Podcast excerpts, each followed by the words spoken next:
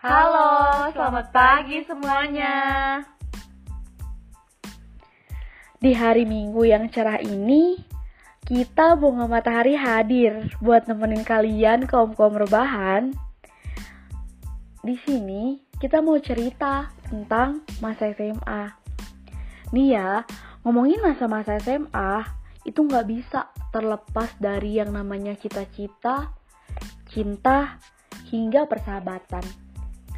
Pokoknya banyak banget deh hal yang bisa diceritain dari masa SMA.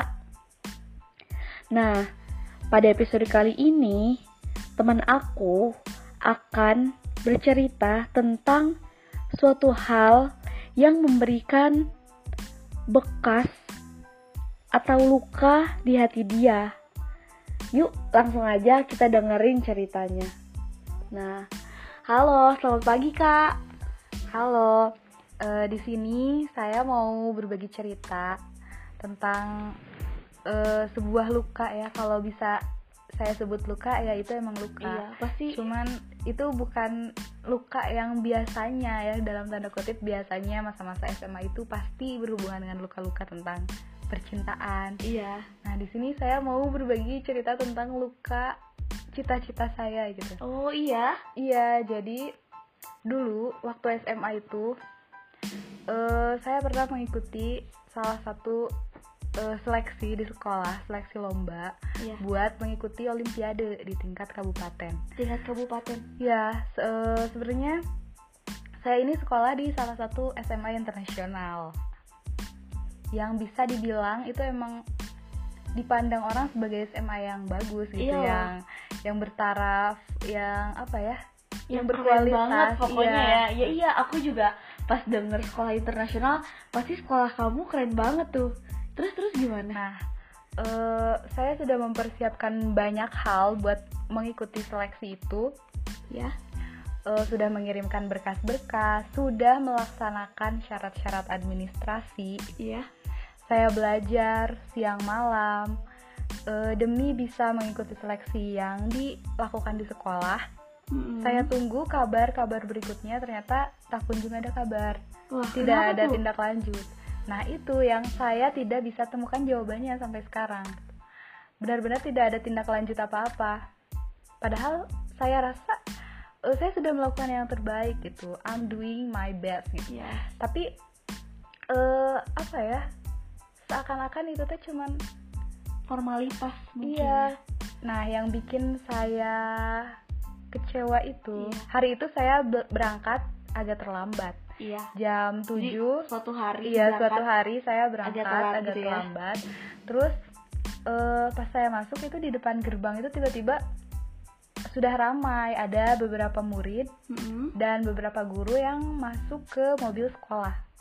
Oh iya. Ya saya nggak nggak nggak punya pikiran apa-apa gitu. Saya ya kira itu cuman eh, ada sebuah acara tertentu dan ya sudah gitu. Mm-mm. pas saya masuk ke kelas saya tanya ke salah satu teman saya sebenarnya itu di depan ada apa sih rame-rame gitu? Mm-mm.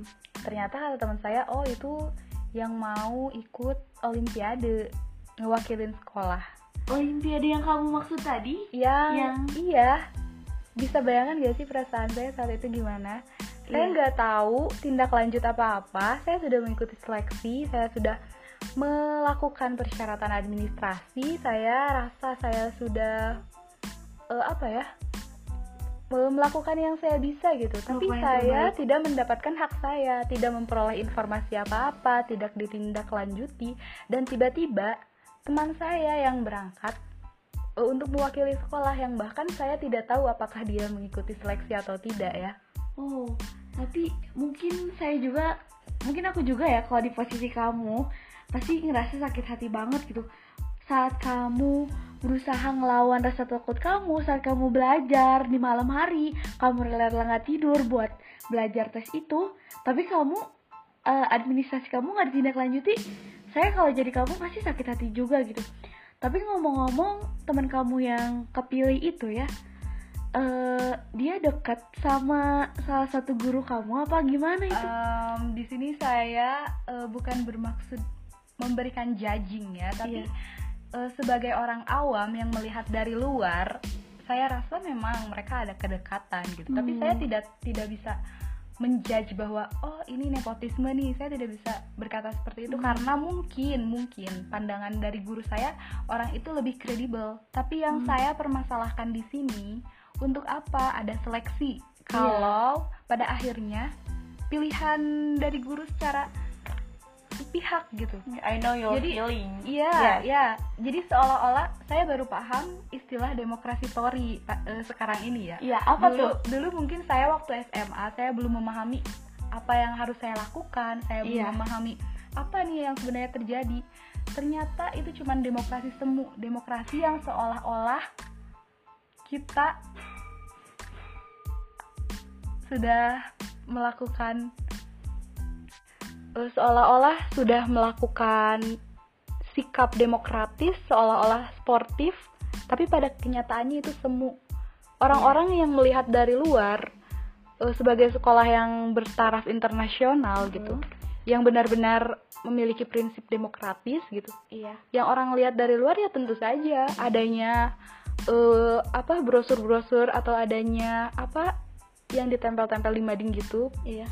eh, mengenai seleksi ya orang pasti oprek gitu iya pasti menganggapnya itu eh sudah apa ya sportif gitu.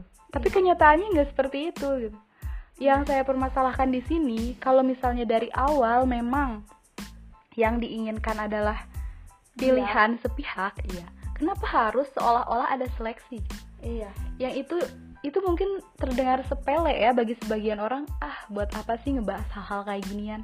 Tapi bisa ngebayangin gak sih kondisi psikologi saya saat itu sebagai anak SMA yang berusaha yang berjuang yang ingin mewujudkan cita-cita tapi hancur begitu saja gitu. Tanpa alasan yang jelas Iya. ya. Iya. Eh, kalau aku denger nih ya emang ya kayak itu tuh sepele sebenarnya mungkin menurut orang-orang. Tapi kalau menurut aku itu hal yang besar loh. Karena mungkin kamu punya mimpi terus mimpi kamu seakan dipotong oleh hal-hal yang emang kamu nggak tahu alasannya. Oleh hal-hal yang itu bukan pure kesalahan kamu. Kamu nunggu informasi tapi kamu nggak dapet apa-apa gitu.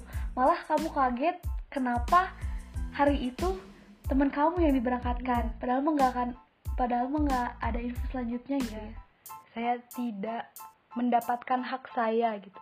Hmm. Saya saat itu justru malah menjadi insecure. Saya merasa gagal, saya merasa kecewa, saya merasa tidak layak dan tidak diinginkan gitu saat itu. Mungkin terdengar berlebihan ya bagi sebagian orang, tapi itu memang yang saya rasakan dan saya rasa mereka harus bertanggung jawab dengan apa yang saya rasakan. saya suka banget statement kamu yang bilang bahwa mereka tuh harus bertanggung jawab apa ya sama apa yang kamu rasakan. Itu bener banget gitu. Karena kita tuh ya jadi orang menurut saya ini semua orang ya harus bisa menghargai perasaan orang lain gitu. Karena kalian nggak tahu kondisi si apa, Psikologis. psikologis seseorang sebenarnya gitu. Jadi harusnya lebih sportif lah ya. Terus terus gimana teman kamu? Itu menang nggak ngewakilin sekolah kamu? Nah itu, saya nggak tahu ya di sini posisi saya harus sedih atau harus senang. Karena pada kenyataannya orang itu nggak lolos, Jadi nggak menang dapet di ya? pihak sana di kabupaten. Ya kalau misalnya dibilang eh, saya merasa layak ya saya saat itu merasa layak ya. Dan Iya. mungkin bisa jadi mungkin saya juga bisa menang saat itu. Mm. kalau boleh sombong ya. Iya. Tapi ya eh, saya tidak bisa mengatakan kalau ini hanya sekedar takdir gitu ya. Mungkin Iya. memang eh, ini pelajaran yang harus menguatkan saya. Karena selanjutnya pun eh, karena saya tidak bisa mengikuti lomba itu akhirnya saya mengikuti lomba lain. Saya berusaha mengikuti dan menekuni eh, hobi-hobi saya yang lain. Saya menang memenangkan lomba-lomba lain. Dan akhirnya itu justru eh, meskipun pada awalnya saya merasa insecure akhirnya justru itu malah membuat saya bangkit gitu. Eh, ini memang mem- memang luka ya kalau saya bilang karena sampai sekarang pun saya sakit hati gitu. Hmm. saya masih sakit hati.